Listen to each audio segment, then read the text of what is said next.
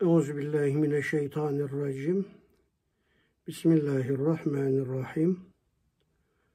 Elhamdülillah ve salatu ve selamu ala Resulillah ve ala alihi ve ashabihi ecmain. Amin. Çok değerli, çok kıymetli kardeşlerim. Risale-i Nur'un temel eserlerinden olan mektubatı beraberce uzun süreden beri takip ediyoruz. 19. mektubun 13. işaretindeyiz. Takip edenler biliyor ki geçen hafta bu 13. işarete bir başlangıç yapmıştık.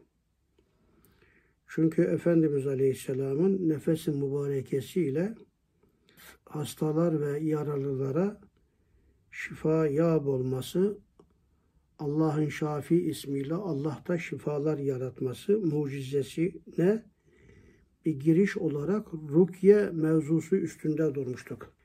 Dini literatürde buna rukye deniyor. Önce bunu tanıtayım arzu ettim ve olabildiğince bir sohbet çerçevesi içerisinde heyetinize aktarmış oldum. Bugün de inşallah kitaptan 13. işareti okuyacağız. Burada 8 tane misal var. 8. misalde de 6 tane misal var. Yani topladığımız zaman burada 13 tane misal oluyor bu mevzuyla alakalı. E zaten burası da 13. işaret. Risale-i Nurlar'da bu çeşit tevafukatı oldukça fazla görmek mümkündür. Daha önce de buna benzer çok tevafukat geçti. Üstadın ifadesiyle tevafukat da inayet ilahiyenin bir işareti remzidir. Mucizat Ahmediye'nin aleyhisselamın hem mütevatir, mütevatir ne demek daha önce geçmişti. Hem misalleri pek çok bir nevi dahi hastalar ve yaralılar nefesi mübarekiye ile şifa bulmalarıdır. Şu nevi mucizat Ahmediye aleyhisselam nev itibariyle manevi mütevatirdir. Cüz'iyatları bir kısmı dahi manevi mütevatir hükmündedir. Diğer kısmı ehadi ise de mütevatir ne demek, ehadi ne demek? Bunları daha önce genişçe aktarmıştım. Özellikle dördüncü nükteli işaretin içindeki o bölümler önemliydi. İlmi hadisin müdakkik imamları böyle her şeyi kitabını almayan, kılı kırk yararcasına vakaları inceleyen, ravileri inceleyen böyle bir şey olmuş mu? Bir kılı kırk yararcasını inceledikten sonra onlar tasih ve tahriç ettikleri için kanaati ilmiye verir. Az sonra bu zatlar hakkında da zaten malumatlar vereceğiz inşallah. Biz de pek çok misallerinden birkaç misalini zikredeceğiz. Demek ki bu mevzudaki misaller sadece burada anlatılan misaller kadar, mucizeler kadar değildir. Pek çok. Ama Üstad içlerinden seçtiği, kendine göre de tasih ettiği, tahkik ederek tahriş ettiği, sağlam, kat'i gördüğü bazı misalleri kitabına kaydetmiş, bizlerle paylaşıyor. Birinci misal. Allame-i Marip Kadı İyas bunu daha önce aktarmıştım. Şifa-i Şerifinde ulvi bir an ana ile an anali hadis üstünde de çok durmuştum. An den dan manasında o ondan o ondan o ondan arada bir kesinti yok. Maktu hadis değil. Arada birisi atlanarak yukarıya bağlamış merfu hadis değil. Yani an anali senetler en güvenli olan senetlerdir. Ulvi bir anane ile o ondan, o ondan, o ondan, o ondan rivayet sağlam ve müteaddit tariklerle Resul-i Ekrem'in aleyhissalatu vesselamın hadimi ve bir kumandanı ve Hazreti Ömer'in zamanında orduyu İslam'ın başkumandanı ve İran Fatihi ve aşere-i mübeşşereden olan Sa'd İbn Ebi Vakkas diyor ki çok müthiş bir şekilde Sa'd İbn Ebi Vakkas'ı bize tanıttı. Özelliklerini tekrar ediyorum. Bu Hazreti Enes gibi Efendimizin hadimlerinden. Aynı zamanda bir ordu kumandanı. Daha önce bahsetmiştim Katsiye'yi film olarak da var. izleyin. Destansı bir filmdir. Türkçesi de var. Arapçası da var. Ses olarak. Ve Hazreti Ömer zamanında orduyu İslam'ın başında İran'a gitmiş. Gençti o zaman. Ve Sa'd ibn Ebi Vakkas'ı aynı zamanda aşire-i mübeşşereden saymışlardır. Bu kadar özelliklere haiz olan Sa'd İbni Ebi Vakkas. Onun hayatını aktarmışken birkaç şey daha söylemek istiyorum. Sa'd İbni Ebi Vakkas cennetle müjdelenen 10 sahabeden bir tanesidir. Aşere-i Mübeşşere'den. 19 yaşında iken Müslüman oldu ve hayatının sonuna kadar da İslam'a hizmet etti. Sa'd ibn Ebi Vakkas sahabiler arasında kahramanlığıyla tanınmış ve idareciliğiyle de temayüz etmiştir.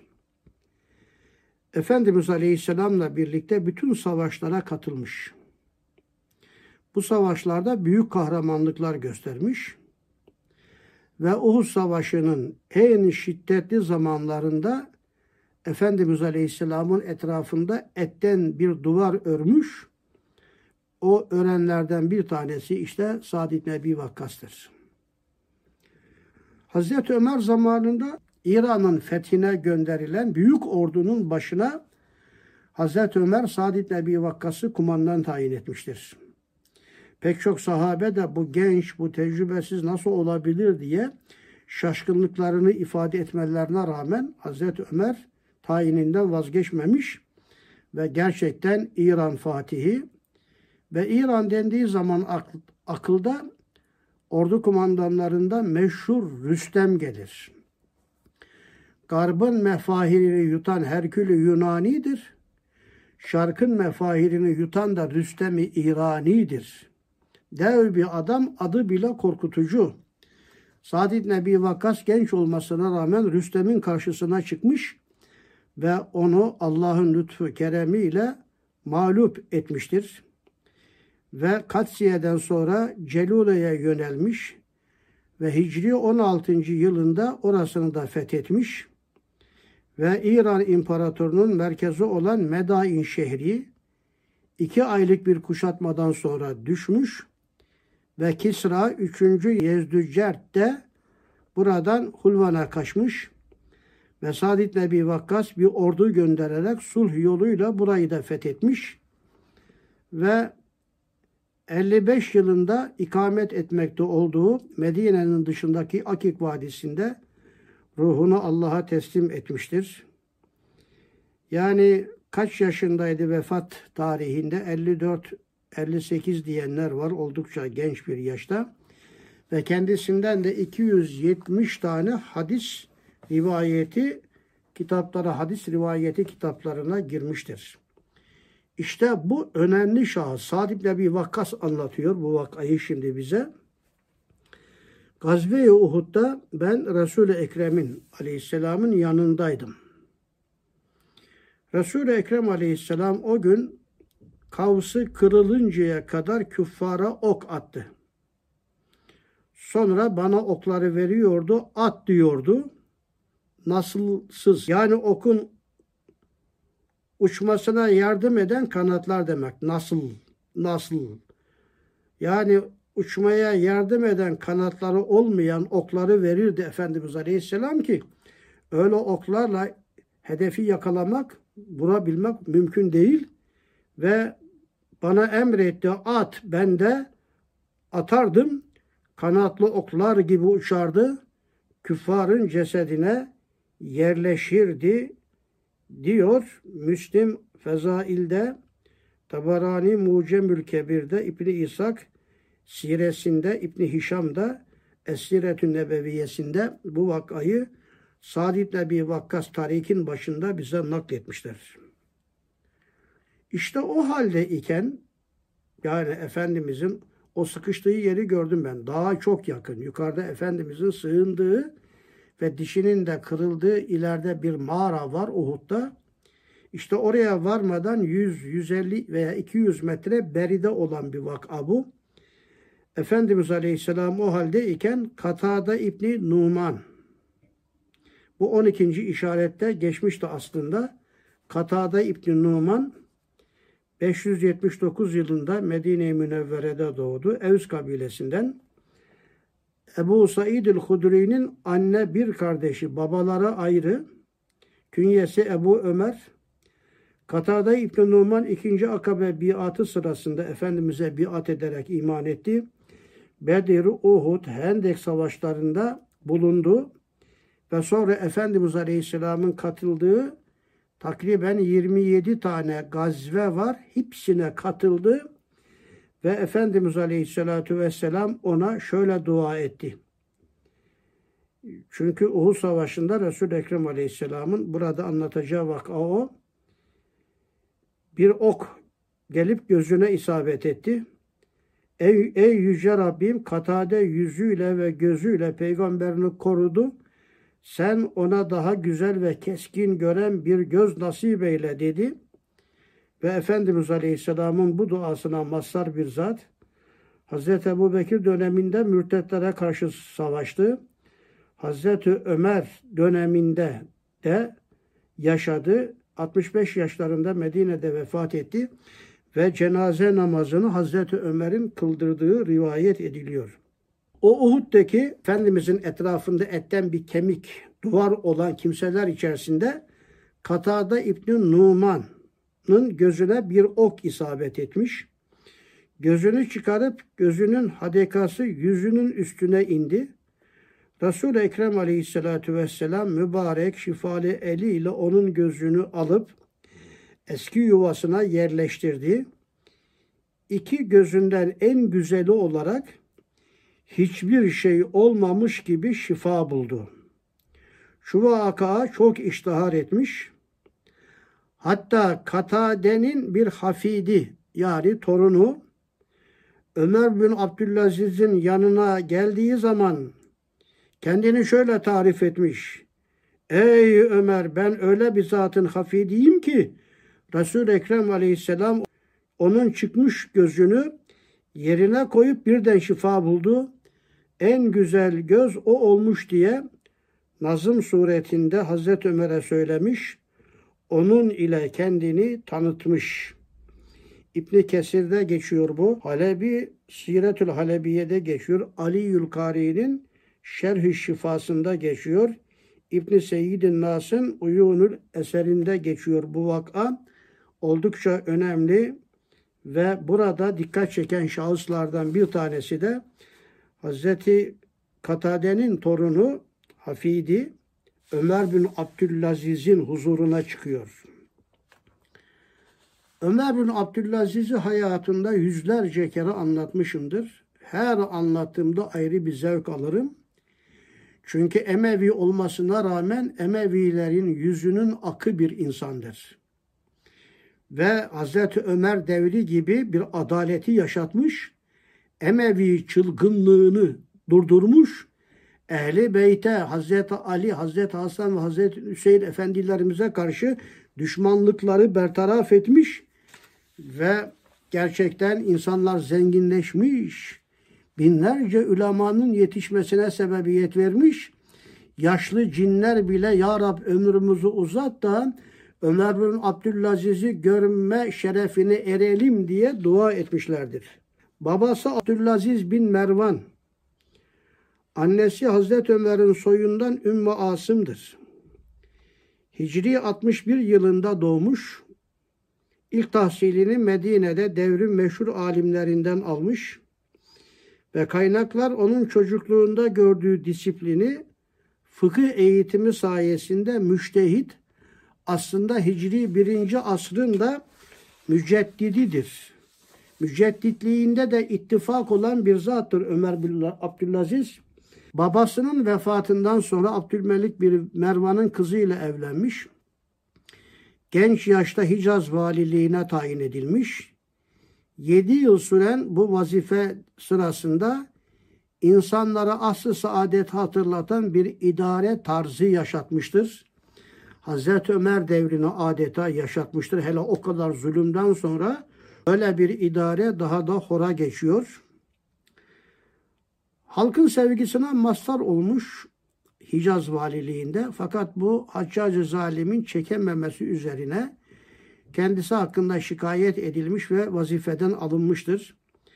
Halife Süleyman bin Abdülmelik vefat edince Müslümanlar tarafından seçilerek herkes ittifakla halifemiz Ömer bin Abdülaziz olsun demişler ve önceki Emevi halifeleri döneminde İslam'dan uzaklaşmış, hilafet makamı saltanata dönüşmüş, zulüm ve israf yaygınlaşmıştı. Ömer bin Abdülaziz bütün bunları ıslah etmiş ve daha önceki valilerin vesairelerin yaptıkları bütün israf vesaireleri şahsi servetlerinde almış tekrar Beytül Mal'e iade etmiş olan muhteşem bir zattır. Genç yaşta 40 yaşlarındayken bir rivayette hizmetçisi, bir rivayette ikinci bir eşi tarafından o doğduğu Şam'dan Türkiye tarafına doğru giderken bu Hazreti Yavuz'un, Yavuz Sultan Selim'in de Merci Dabık diye Dibey köyü var orada. Dibey köyünde doğmuş. İşte orasını bir sıla rahimle ziyarete gitmiş. Geriye dönerken de Hama yakınlarında bir köyde zehirlenerek şehit edilmiştir Ömer bin Abdülaziz. Dev bir insan 40 yaşında yani. Çok genç, daha uzun ömürlü olsaydı kim bilir sebepler bazında neler yapacaktı. İslam dünyasındaki bütün ıslahatlar aynı zamanda Ömer bin Abdülaziz döneminde olmuştur. Efendimiz Aleyhisselam'ın nerede bir hatırası varsa namaz kıldıysa mutlaka oraya bir eser yapmış. Kültür noktasıyla da tarihi eserler noktasıyla da inkılaplar yapmış bir zatı muhteşemdir Ömer bin Abdülaziz.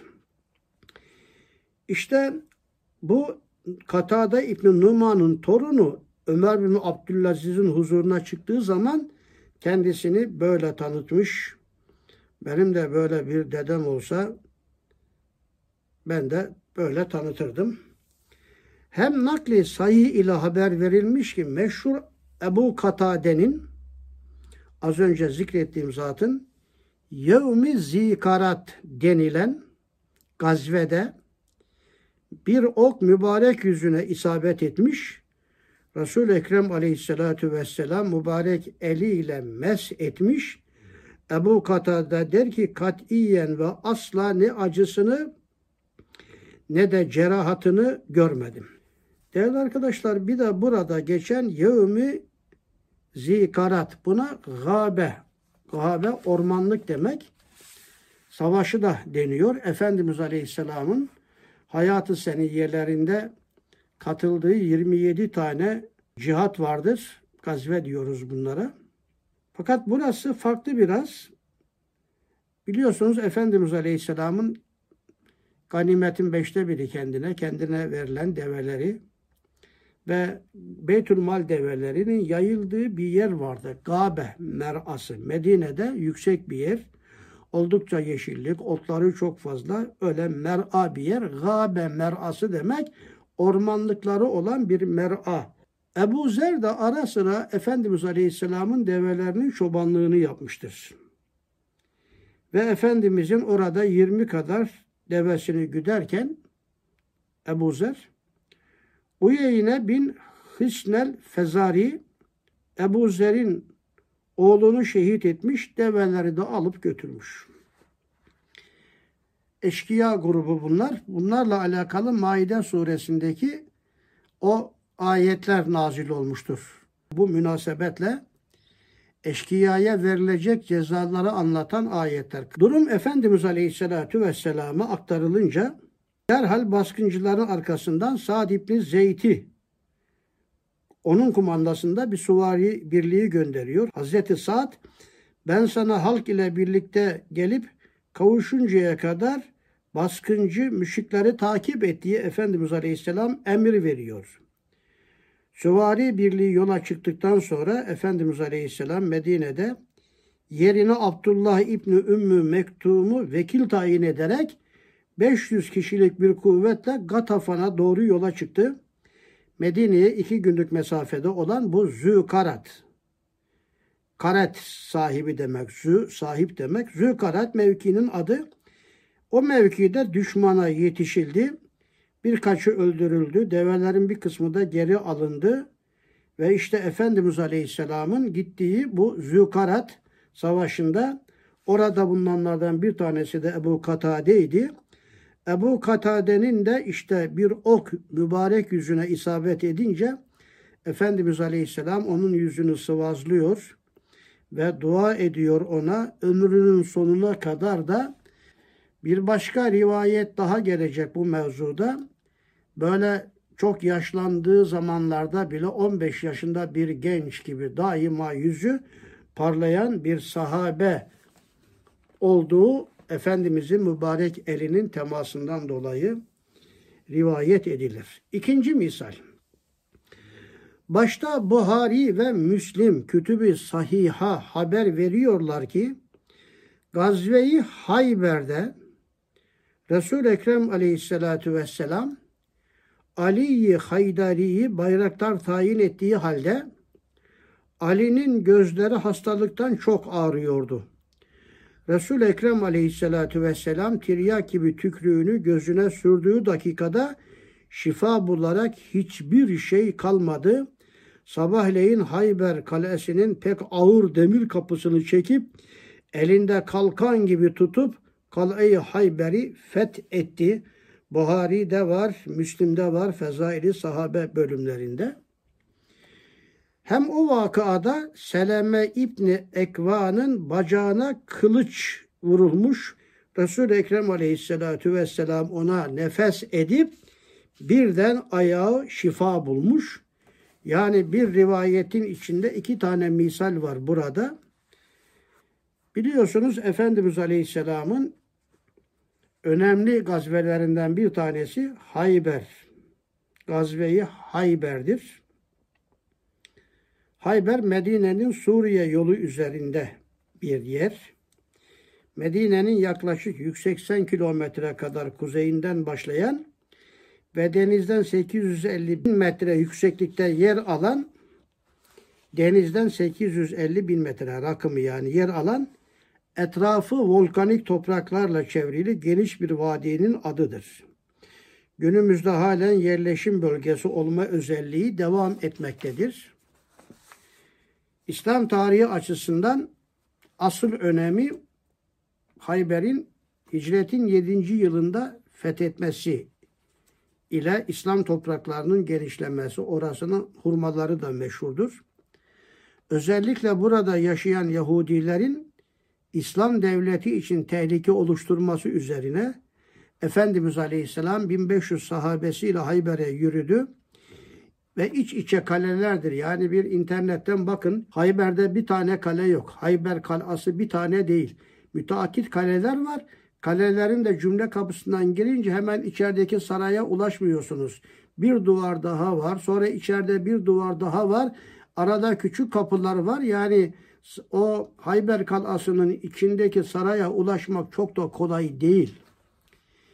İşte bu Hayber o zaman ki kim varsa başında idareci olarak onların olduğu kalanın kapısı, birinci kalanın kapısını Hazreti Ali Efendimiz sizin tutup kapıyı önce şöyle bir sarsıp yerinden söküp sonra sol eliyle kalkan olarak kullanması olan Hayber'in fethi bu şekilde gerçekleşmiş ve Yahudiler de artık İslam devleti için, İslam dünyası için tehlike olamaz hale gelmişlerdir. Ve işte bu fetihten önce bir mucize gerçekleşti. Efendimiz Aleyhisselatü Vesselam iki ay kadar Hayber kalasının fethinde bulundu ama bir türlü feth olamıyordu. Buyurdular ki ben yarın bu sancağı kumandanlık vazifesi demek öyle birisine vereceğim ki Allah ve Resulü onu sever, o da Allah ve Resulünü sever. Sabah kimi çağıracak acaba? Bütün sahabi merak ediyordu. Hazreti Ömer diyor ki hayatımda hiçbir zaman bana da bir imaret, bir kumandanlık, idarecilik verilsin istemedim.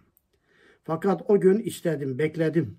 Çünkü Allah ve Resulü onu sever, o Allah ve Resulünü sever deyince keşke o ben olsaydım, ben miyim acaba diye sabaha kadar başımı kaldırıp kaldırıp da Efendimizin geleceği haberciyi bekledim.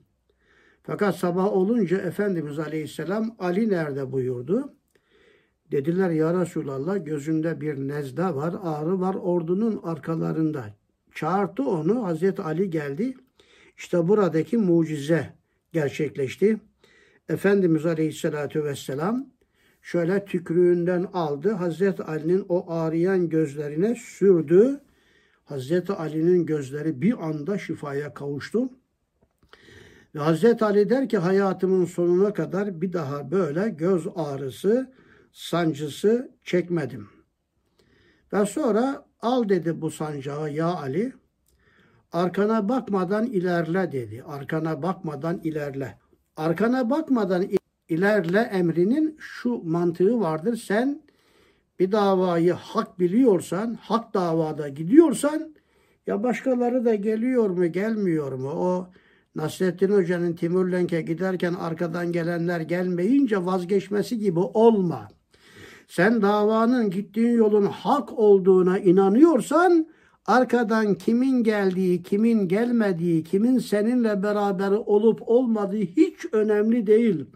Sen hak bildiğin davada arkana bakmadan ilerle dedi ya Ali. Ve kaleye vardığın zaman öyle karşına çıkana önce Allah ve Resulünü anlat. Bizim derdimiz bu fetih değil, toprak değil yani, ganimet değil. Derdimiz i'lâi kelimetullah yapmak. Karşına çıkanı önce Allah ve Resulünü anlat. Unutma dedi ya Ali. Senin elinle bir kişinin hidayete ermesi, sahralar dolusu kırmızı koyunlardan, develerden yani ganimetlerden daha hayırlıdır buyurdu. Oldukça önemli ve Hazreti Ali Efendimiz az bir grupla sabah erken kalanın kapısı önünde dikili verdi. Ve böyle gaflet içinde kalkmış kalenin dışında tarlaya işe gidenler Hazreti Ali'yi ordusunu karşısında görüverince ne yapacaklarını şaşırdılar. O koskocaman demirden kalanın kapısını Hazreti Ali Efendimiz kopardı ve sonra onu sol eliyle kalkan olarak kullandı ve o gün Hayber kalası, Hayber kalesi bütünüyle fethedildi. Ve bu mevzuyu anlatan Kur'an-ı Kerim'de ayetler de vardır. Hz. Ali ileride gelecek bu devamı burada ilave ediyorum. Ee, sonra fetih işlemi bittikten sonra Kal'anın kapısını yere bıraktı. Efendimiz Aleyhisselam ona dedi ki ya Ali şimdi kaldır bakalım tekrar. Daha önce kalkan gibi rahat kullandığı kapıyı fetih bitince vazife tamamlanınca kaldıramadı Hazreti Ali. Sonra Efendimiz Aleyhisselam 40 tane sahabe çağırdı. 40 kişi birden o kalanın kapısını yine kaldıramadılar. Bu ne müthiş bir şeydir ki burada şu şifreyi yakalayacaksınız. Allah'a dayan, saye sarıl, hikmete ram ol. Yol varsa budur, bilmiyorum başka çıkar yol. Hakikatini anlayacaksınız. Birinci sözdeki sırları kavrayacaksınız. İki asker ordu namına hareket ederse bütün şehri toplayabilir, köylüyü toplayabilir. O onların zati kuvveti değil, intisabe ettiği noktanın kuvvetidir. Hazreti Ali tavzif edilmiş, Allah'a dayanarak sahi ediyor ve Allah namına gidiyor. O anda intisabın kuvvetiyle 40 kişinin daha sonra kaldıramadığı kalayı tek eliyle kalkan gibi kullanabilmesi, hatta daha sonra kendisinin dahi kaldıramaması bütün bunlara dikkat çekmekte ve işaret etmektedir. Hizmetimizin tarihçesi içerisinde yüzlerce bu mevzuda hatıralarım vardır. Hizmet namına Allah için genç bir çocuk bir ilçeye gidiyor. Bir otobüs insanla geliyor. Orada mesela çok büyük mesela kaymakamı veya müftüsü arkasından üç adamı bile toplayamayacak kadar devlet gücü olmasına rağmen veya koskoca bir okul, koskoca bir yurt inşa ettiriyor. Burada bu incelikleri görmek gerekiyor. Sizler de bizler de hizmet yaparken ben bunu yapabilir miyim? Yani kendimizi cisim, ceset, ene, benlik noktasıyla adi, fakir, hakir, garip görebiliriz. Aciz görebiliriz. Ama bir dava noktasıyla kendimizi hiçbir zaman böyle görmemeli. La havle ve la kuvvete illa billah ile inandığımız, ilan ettiğimiz Allah'a dayandık. Allah'a dayan, saye sarıl, hikmete ram ol. Yol varsa budur, bilmiyorum başka çıkar yol. İşte bunu anlatıyor. Burada geçen misallerden bir tanesi de Seleme İbnül Ekva'nın bacağına kılıç isabet etmesi. Efendimiz Aleyhisselam'ın nefesleyip o mübarek nefesiyle de şifaya olması ve bir daha da o bacağında bir ağrı, bir sızı görmemesi. Seleme İbni Ekva hakkında kısa bir malumat sunmak isterim. Hudeybiye anlaşması esnasında Hudeybiye'deki o Beyatü Ridvan'da ağaç altında Efendimiz Aleyhisselam'a biat edenlerden bir tanesidir. O gün Resul-i Ekrem'e üç kez biat etti. Her sahabi bir defa biat ediyordu. O üç defa biat etti. Hayatı boyunca yedisi Efendimiz Aleyhisselam ile olmakla beraber 14 gazveye katıldı. Birçok defa Resulullah Aleyhisselam'ın iltifatlarına, dualarına mazhar oldu. Seleme İbni Ekva Medine'de hicretin 74. senesinde 80 yaşında vefat etti ve Cennetül Baki kabristanlığına defnedilmiştir. Üçüncü misal. Başta Nesai olarak Erbab-ı Siyer, Nesai de Kütüb-ü Sitte ricalinden bir tanesidir. Erbab-ı Siyer Osman İbni Huneyf'ten haber veriyor ki Osman diyor ki Resul-i Ekrem'in aleyhisselamın yanına bir ama geldi. Benim gözümün açılması için dua et ya Resulallah dedi. Efendimiz Aleyhisselam ona ferman etti. Fentalik fetevetta sümme salli rek'ateyn sümme kulillahümme inni es'elüke eteveccehu ileyke bi nebiyyike Muhammedin nebiyyir rahme ya Muhammed inni eteveccehu bike ila rabbike en yekşife an basari Allahümme şeffi'hu fiyye. Efendimiz Aleyhisselam ona dedi ki Ya Resulallah dua et benim gözüm açılsın diyene git abdest al. Sonra iki rekat namaz kıl. Herhalde bu hacet namazıdır. Ve şöyle dua et. Allah'ım şüphesiz ben senden isterim rahmet peygamberi olan Muhammed'i aleyhissalatu vesselam'ı vesile ederek sana yöneliyorum. Bu vesile üstünde bu haftaki tefsir dersinde duracağız. Kur'an-ı Kerim'deki Maide suresinde bir ayet bu. Ya eyyühellezine amenüttekullâhe ve bitâgû ileyhil vesilete. Allah'a ulaşmada vesileler arayınız, vesileler ittihaz ediniz. Vesile yol demek Allah'a ulaşmada aracı ama Efendimiz Aleyhisselam'ın kendisi de vesiledir. Hem Allah'a ulaşmada vesile hem kendisi vesiledir. Nitekim ezan duasından sonra Allahümme Rabbe hâzihi daveti temme ve salatil kaime eti Muhammedenil vesilete. Ya Rab Hz. Muhammed Aleyhisselam'a vesileyi ver ki sen o vesileyi ona vaat ettin. Ezan duasında Allah'ın Efendimiz'e vermeyi vaat ettiği vesile Efendimiz'in kendisi olarak anlatılıyor. Bu vesile üstünde bu hafta yapacağımız tefsir dersindeki o ayetin tefsirini sonra dinlersiniz. Burasının daha geniş açılımı için ve Hz. Muhammed'i aleyhisselam vesile edinerek sana yöneliyorum.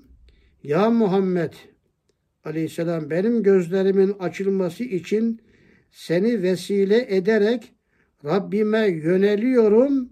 Allah'ım onu benim hakkımda şefaatçi eyle diye dua et dedi Efendimiz Aleyhisselam. Öyle yaptı o da. O da gitti öyle yaptı geldi gözü açılmış güzel görüyormuş gördük diyor. Efendimiz Aleyhisselatü Vesselam'ı vesile kılarak dua etmek. Tesadüfen olmaz, kendiliğinden olmaz. Bu rivayetin başında Osman İbni Huneyf var. Osman İbni Huneyf el-Ensari el-Evsi, Evs kabilesinden Ensardan bir zat. Başta Uhud Savaşı olmak üzere birçok savaşlarda Efendimiz Aleyhisselatü Vesselam'ın yanında yer almıştır. Hazreti Ömer ve Hazreti Ali'nin halifelik dönemlerinde idareci olarak görev yapmıştır. Medine'de yer yer farklı şeylerde idareci oldu. Hem de belli yerlerde valilik yaptı. Muaviye döneminde ise vefat etmiştir. O kardeşi olan Sehil İbni Huneyf, o da sahabe-i kiramdandır. Osman İbni Huneyf çok önemli, öne çıkmış sahabi içindeki isimlerdendir. Dördüncü misal. Büyük bir imam olan İbni Vehb. Bu İbni Vehb'e hayran olmamak mümkün değil. Üstad bundan çok bahsetmiş. Abdullah İbni Vehb'dir bu. Az sonra hayatına kısaca temas edeceğim. Büyük bir imam olan Abdullah İbni Vehb haber veriyor ki sahabe değil daha sonraki dönemlerde Gazve-i Bedir'in 14 şehidinden birisi olan Muavviz İbni Afra. Gazve-i Bedir'de 14 şehit. İşte onlardan bir tanesi Muavviz. Az sonra kısaca tanıtacağım. Muavviz İbni Afra Ebu Cehil ile dövüşürken Ebu Cehil-i Lain o kahramanın elini kesmiş. O da öteki eliyle elini tutup Resul-i Ekrem aleyhissalatu vesselamın yanına gelmiş. Resul-i Ekrem aleyhissalatu vesselam onun elini yine yerine yapıştırdı. Tükrüğünü ona sürdü. Birden şifa buldu. Yine harbe gitti. Şehit oluncaya kadar harbetti. Hem yine İmam-ı Celil İbni Vehb bir defa daha bu zata dikkat çekiyor. İmam-ı Celil İbni Vehb haber veriyor ki o gazvede Bedir gazvesinde Hubeyb İbni İsaf'ın İsaf'a Yesaf da deniyor. Omuz başına bir kılıç vurulmuş ki bir şıkka ayrılmış gibi dehşetli bir yara açılmış omuzundan. Resul-i Ekrem aleyhisselam onun kolunu omuzuna eliyle yapıştırmış, nefes etmiş, şifa bulmuş. İşte bu iki vaka çendan ehadidir. Yani tek rivayetle gelmiş ama pek çok sahabi içinde gerçekleşmiş ve diğer sahabe-i kiram itiraz etmemiş. Bu hadis usulünü anlatırken dördüncü nükteli işarette bunun üstünde genişçe durmuştuk bazen ehadi rivayetler mütevatir bil mana veya mütevatir hadisler ve hatta ve hatta onlardan daha güçlü olabiliyor. Fakat İbni Vehb gibi bir imam tasih ese İbni Vehb demiş ki böyle bir şey oldu. Üstad ona çok güveniyor. Gazve-i Bedir gibi bir menba-i mucizat olan bir gazvede olsa hem bu iki vakayı andıracak çok misaller bulunsa elbette şu ikisi iki vakıa kat'idir ve vakidir denilebilir. İşte ahadisi sahiha ile subut bulan belki bin misal var ki Resul-i Ekrem Aleyhisselatü Vesselam'ın mübarek eli ona şifa olmuş. Abdullah İbni Vehbi tanımanızı arzu ettiğim için Üstadın özellikle bu 19. mektup içinde ondan çok bahsettiğini görüyoruz. Burada bile iki yerde bahsediyor. Ebu Muhammed Abdullah bin Vehb bin Müslim El Fihri El Musri Hicretin 197. senesinde vefat etmiş. İmam Malik'in çok zirve önde gelen talebelerinden bir tanesidir. Fakihtir ve aynı zamanda hadis üstadıdır, muhaddistir. Hicri 125 senesinde Kahire'de doğuyor. Beni Fihir kabilesinin mevalisinden. Mevali demek azatlı köle. Yani aslında daha önce köleymiş bu. Babadan gelme bir köle. 17 yaşlarından itibaren ilim tahsiline başlamış. İmam Malik'ten, Leys bin Sa'd'dan, Süfyan-ı Sevri'den, Üstadın çok bahsettiği Süfyan İbni Uyeyne'den, Abdülaziz el-Macuşiun'dan, İbni Cüreyş'ten, Hayve bin Süreyh'den, İbni Lehi'adan, Hanzale İbni Ebu Süfyan el-Cumahi'den ve Üsame bin Zeyd el-Leysi gibi alimlerden ders almış gerçekten büyük bir üstattır. Kıraat imamlarından İmam-ı Nafi vardır. Nafi bin Abdurrahman'dan arz yoluyla kıraat ders almış. Bizzat kendi ağzından o üstaddan Nafi'den kıraat dersi almış. Döneminde Medine'nin en büyük alimi sayılan İbn Şihab Ez-Zühri bu hadiste yedi tuğla sahibidir. Bir hadis rivayetinde İbn Şihab Ez-Zühri varsa o hadis çöpe gitmez. İbn Şihab Ez-Zühri'nin 20 kadar talebesiyle ayrıca tabi'in devri alimlerinden bazılarıyla görüşmüş.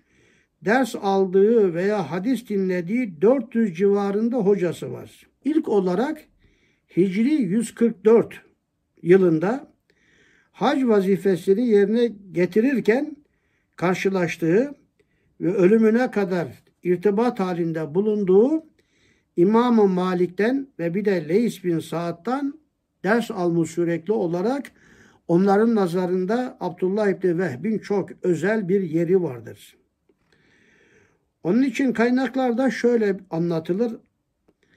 Allah beni İmam Malik ve Leys ile kurtarmış olmasaydı mutlaka sapıklığa düşerdim diyecek kadar bu iki büyük üstadına büyük ihtiramı vardır. İmam Malik'in kendisine iltifat ettiği adeti olmadığı halde ona mektup yazarak bilgisine baş vurduğu ifade edilir. Yani üstattır İmam Malik fakat o bile talebesi olan Abdullah İbni Vehb'in bilgisine mektup yazarak ara ara müracaat ettiği kaydediliyor. Abdullah İbni Vehb İmam Malik'in görüşlerini iyi bilen alimlerden bir tanesidir. Nitekim İmam Malik vefat ettikten sonra bir meselede onun görüşü konusunda ihtilaf çıktığında Medineliler Abdullah İbni Vehbe mektup yazarlar ve ya mektupla cevap vermesini veya Medine'ye gelmesini dilerler ve İmam Malik'in yerinde onu büyük bir imam sayarlardı. Medine halkı, Medine uleması. Ve Maliki mezhebini tedvin eden yani kitaplaştıran, kitaplar hale, haline getirenlerden bir tanesidir. Çok ileri seviyede takva sahibi. Hayatı ribatlarda, cihatlarda geçmiş ayrıca eğitimle ve hacla geçirdiği kaydediliyor. Bir ara kendisine teklif edilen kadılığı kabul etmemiş. Tıpkı İmam-ı Azam gibi. Ben devletin payandası olamam demiş. Evet İbn Saad, Yahya İbn Ma'in, Nesai, İbn Adi ve Zehebi gibi hadis münekitlere tarafından da Yani hadisçiler çok insafsız tenkitçidir. Çünkü hadisin içine yalan girmesin. Bu şahsa güvenilir mi, güvenilmez mi? Aşırı, çok şiddetli tenkit ederler. Yalancı ise veya böyle bir zayıf taraf varsa, İslami yaşantısı yoksa aman bu adamın rivayetleri hadis kitaplarına girmesin diye çok aşırı münekkit. Bunlara cerh ve tatil deniyor. Cerh ve tatil kitapları vardır. Ve bu cerh ve tatil imamlarından İbn Sa'd, Yahya İbn Ma'in, Buhari'nin ricalindendir. Nesai Kütüb-ü Sitte ricalinden İbn Adi ve Zehebi gibi dev insanlar demişler ki Abdullah İbni Web sika bir insandır.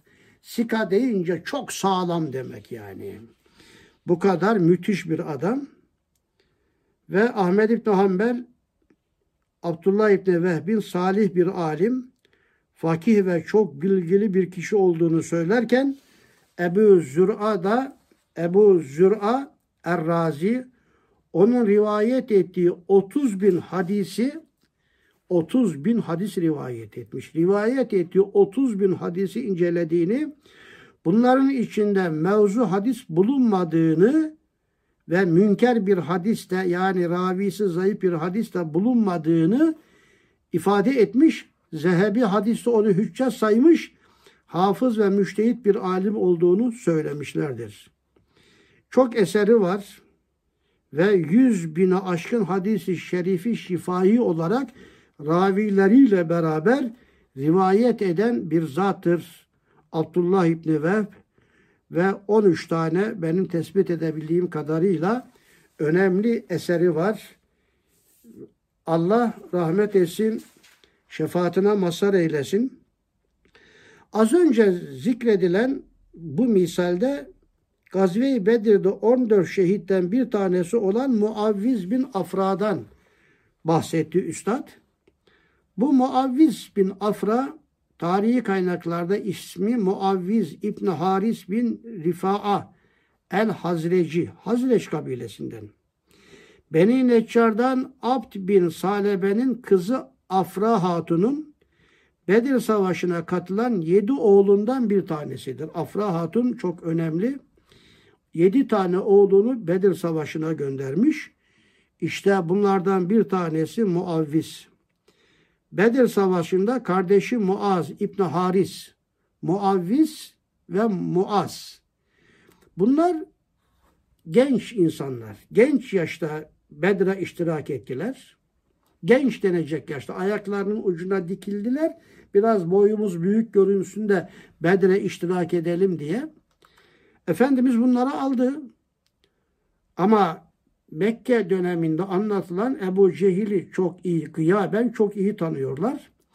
İçlerinde öyle bir Ebu Cehil düşmanlığı var ki Bedir Harbi kızıştığı hengamede soruyorlardı Ebu Cehil kim? Hangisi Ebu Cehil? Ha işte bu Ebu Cehil dediler. İkisi sülün gibi daldı. Birisi bir darbe, birisi bir darbe indiriyordu. Ve Ebu Cehil'i yerle bir edenler iki tane gençtir ve birisi muavviz, birisi muaz. İlk darbeyi, öldürücü darbeyi muavviz vuruyor. Bu esnada Ebu Cehil Hazreti Muavviz bin Haris'in eline bir kılıç darbesi vuruyor. Üstadın da burada anlattığı. Ve eli kesiliyor tamamen. Kesik elini alıp diğer eliyle Efendimiz'e gidiyor ve işte bu mucize gerçekleşiyor. Sonra Muaviz harp meydanına dönüyor ve orada şehit olacağına kadar da savaşıyor. 14 şehitten bir tanesidir. Burada geçen isimlerden bir tanesi de Ebu Cehil Lain. Kısmen bunu da tanıtmak istiyorum. Asıl adı Amr bin Hişam el-Mughire olan Ebu Cehil'in künyesi Ebul Hakem'dir. Mekke'de onu herkes Ebul Hakem olarak tanırdı. İslamiyete olan düşmanlığı hakikatler karşısında cehaleti sebebiyle ona Ebu Cehil lakabını veren bizzat Efendimiz Aleyhisselatü Vesselam'ın kendisidir. Ebu Cehil Efendimiz Aleyhisselam'ın davetine başından beri karşı çıkmış. Müslümanlar aleyhinde hazırlanan bütün komplolarda yer almıştır. ticari nüfuz ve servetinden güç alan Ebu Cehil hayatı boyunca İslamiyet aleyhine çalışmıştır. Halkın Müslüman olmasını engellemeye, Müslüman olanları da inançlarından vazgeçirtmeye bütün gücüyle gayret sarf etmiştir. Ashabtan Ammar bin Yasir ile annesine ve babasına ve daha birçok Müslümana ağır işkenceler yapan da bu Ebul Hakem'dir, Ebu Cehil'dir. O Er Risale filminde gördüğünüz Ammar'ın annesi Sümeyye'ye göğsüne oklar vuran ve o şekilde şehit eden yine bu Ebul Hakem'dir. Şehit eden Ebu Cehil'dir. Ebu Cehil müşriklerin savaş ihtiyaçlarının büyük bir kısmını bizzat karşılar. Yani küfür adına oldukça cömert bir adam. Bedir'de öldürülenlerdendir. İşte iki tane genç sahabi küfrü başıyla beraber, gövdesiyle beraber yok edecek olan da gençlik demektir. Bedir'de iki tane genç, çocuk denecek kadar genç yaşta olan iki sahabi tarafından Ebu Cehil'in öldürmesi tarihi bir işarettir ki küfrü başıyla sonuyla beraber yok edecek, hak ile yeksan edecek olan da gençlik demektir. Efendimiz Aleyhisselatü Vesselam Ebu Cehil ile alakalı şöyle buyurdu. Her ümmetin bir firavunu vardır. Bu ümmetin de firavunu Ebu Cehil'dir demiş. Kendi karşısındaki firavun ve bir de ona Ebu Cehil diyerek evet Ebu Cehil müşrikler içinde en zalim bir insandır. Pek çok haksızlıkları, zulümleri vardır. Onun zulümleriyle alakalı Kur'an-ı Kerim'de nazil olmuş ayetler vardır. En'am suresi 108. ayet. Hicr suresi 90. ayet. Alak suresi 9'dan 18. ayete kadar olan o ayetlerde Ebu Cehil'in zulümleri anlatılır. En çok zalim olandır bu ve ama Bedir'de ilk savaşta da hak ile yeksan olanlardan da bir tanesidir.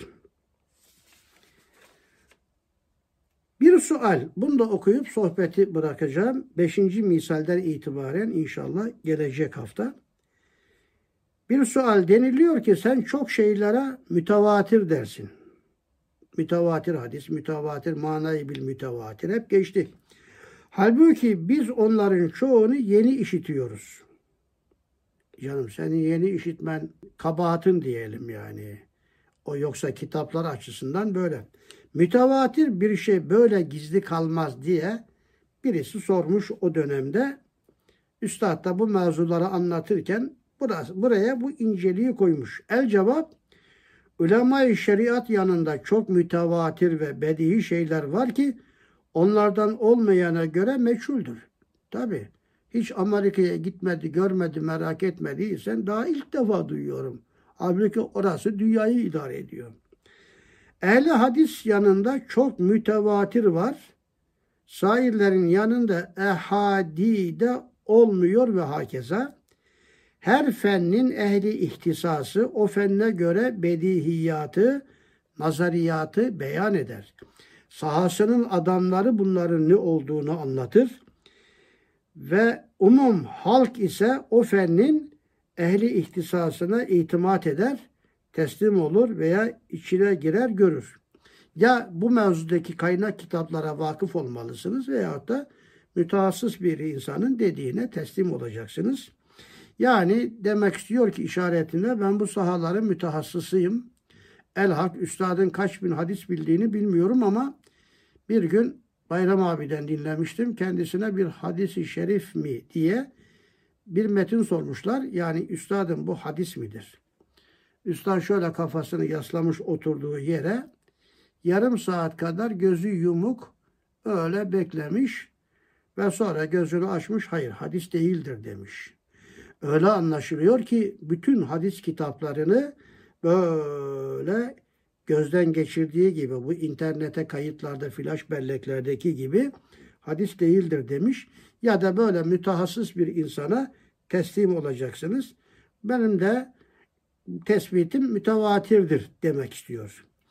Şimdi haber verdiğimiz hakiki mütevatir veya manevi mütevatir veya tevatür hükmünde katiyet ifade eden vakalar hem ehli hadis, hem ehli şeriat, hem ehli usulü din, hem ekser tabakat-ı ulemada hükmünü öyle göstermiş. Gaflette bulunan avam veya gözünü kapayan nadanlar bilmezlerse kabahat onlara kabahat onlara aittir demiş.